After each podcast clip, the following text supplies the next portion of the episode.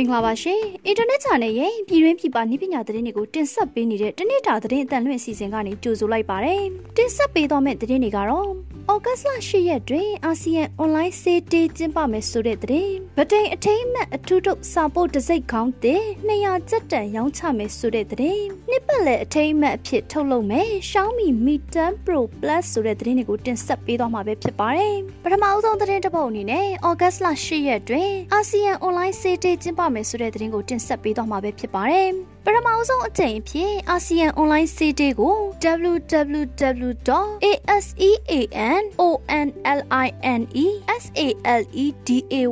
www.aseanonline.saleday.com မှတဆင်ဩဂတ်လ10ရက်တရက်ထဲမှာကျင်းပပြုလုပ်သွားမယ်လို့သိရပါတယ်။ဩဂတ်လ10ရက်မှာကျင်းပပြုလုပ်မယ့်အာဆီယံ online city မှာအာဆီယံနိုင်ငံ10နိုင်ငံရှိ e-commerce လောက်ကင်နေတဲ့လုပ်ငန်းများပါဝင်သွားမှာဖြစ်ပြီးတော့မထင်မှတ်ထားတဲ့အထူးဈေးနှုန်းတွေနဲ့ရောင်းချပေးသွားမှာဖြစ်တယ်လို့သိရပါတယ်။အာဆီယံ online city မှာတဆင် e-commerce ဖြင့်နေဆက်ဖြတ်ကျော်ကုန်သွယ်မှုကိုမြင့်တင်နိုင်မှာပဲဖြစ်သလိုအာဆီယံနိုင်ငံများအတွင်းရှိလောက်ကင်နေတဲ့ e-commerce လုပ်ငန်းများကိုအာဆီယံဒေသအတွင်းရှိနိုင်ငံများမှသိရှိသွားစေမှာပဲဖြစ်ပါတယ်။လက်ရှိအချိန်မှာဖြစ်ပေါ်နေတဲ့ COVID-19 အခြေအနေတွေ e-commerce မှာအသုံးဝင်တဲ့ဝယ်ယူမှုနည်းလမ်းတစ်ခုအဖြစ်အသုံးပြုနေကြောင်း COVID-19 ကူးစက်ပြန့်နှံ့နေစဉ်အတွင်းအာဆီယံအစိုးရတွေအနေနဲ့စီးပွားရေးလုပ်ငန်းတွေကို online ပေါ်မှာတွာလာနိုင်ဖို့အဆင်သင့်ရှိသောအခြေအနေများဖန်တီးရန်ကြိုးပမ်းလျက်ရှိနေကြောင်း အဆိုပါအခြေအနေတွင်အာဆီယံနိုင်ငံအနှံ့ရှိစီးပွားရေးလုပ်ငန်းတွေအနေနဲ့ကုန်ပစ္စည်းတွေကိုမြင့်တင်ဖို့နဲ့ဒေသ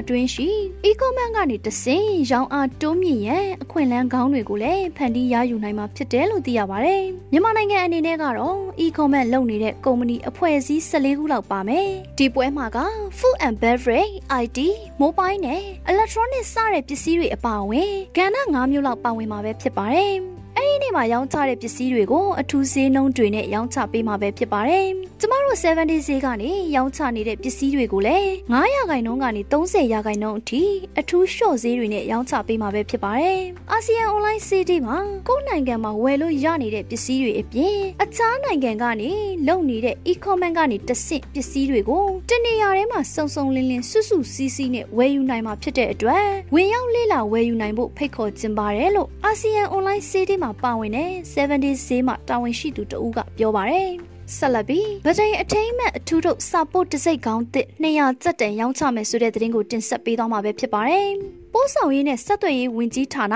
မြန်မာစာတိုက်လုပ်ငန်းမှာတခုမှအမှုပညာပန်းဆယ်မျိုးမှာအပါဝင်ဖြစ်တယ်။ဗဒိန်အထိမ်းအမှတ်အထူးထုတ်စာပုတ်တစိ့ကောင်းတစ်200ကျပ်တန်တစ်မျိုးကိုဩဂတ်လ9ရက်နနက်9နာရီခွဲမှာစတင်ကနေပြည်တော်ဗဟိုစာတိုက်ကြီးရန်ကုန်စာတိုက်ကြီးမန္တလေးစာတိုက်ကြီးတို့နဲ့တိုင်းဒေသကြီးပြည်နယ်များရှိစာတိုက်တွေမှာရောင်းချပေးသွားမှာပဲဖြစ်ပါတယ်။တစိ့ကောင်းတစ်ကိုမြမယဉ်ကျေးမှုတခုမှအမှုပညာရက်တွေကိုမျိုးဆက်သစ်လူငယ်တွေအကြားပုံမသိရှိအလေးထားစေရန်ရည်ရွယ်ကထုတ်လုပ်ခြင်းဖြစ်ကြောင်း အထူးအစီအစဉ်တရက်အနေနဲ့နေပြည်တော်ဗဟိုစာတိုက်ကြီးရန်ကုန်စာတိုက်ကြီးမန္တလေးစာတိုက်ကြီးတွေမှာဩဂတ်လ9ရက်မှာဝယ်ယူတဲ့စာပို့တစိ့ကောင်းတွေနဲ့ပထမနေ့စာအိတ်တွေပေါ်မှာနေဆွဲအမှတ်သားတစိ့ရိုက်နှိပ်ပေးမှာပဲဖြစ်ပြီးတော့ရန်ကုန်တက္ကသိုလ်ရာပြည့်အထိမ်းအမှတ်အဖြစ်ထုတ်ဝေတဲ့ရုပ်လုံးကျွဒီဇိုင်းကတ်တွေကိုတပါတဲ့ရောင်းချပေးသွားမှာဖြစ်တယ်လို့လည်းသိရပါဗျ။နောက်ဆုံးသတင်းတစ်ပုဒ်အနေနဲ့နှစ်ပတ်လည်အထိမ်းအမှတ်ဖြစ်ထုတ်လုပ်မယ် Xiaomi Mi 10 Pro Plus ဆိုတဲ့သတင်းကိုတင်ဆက်ပေးသွားမှာပဲဖြစ်ပါတယ်။ဒီလဟာ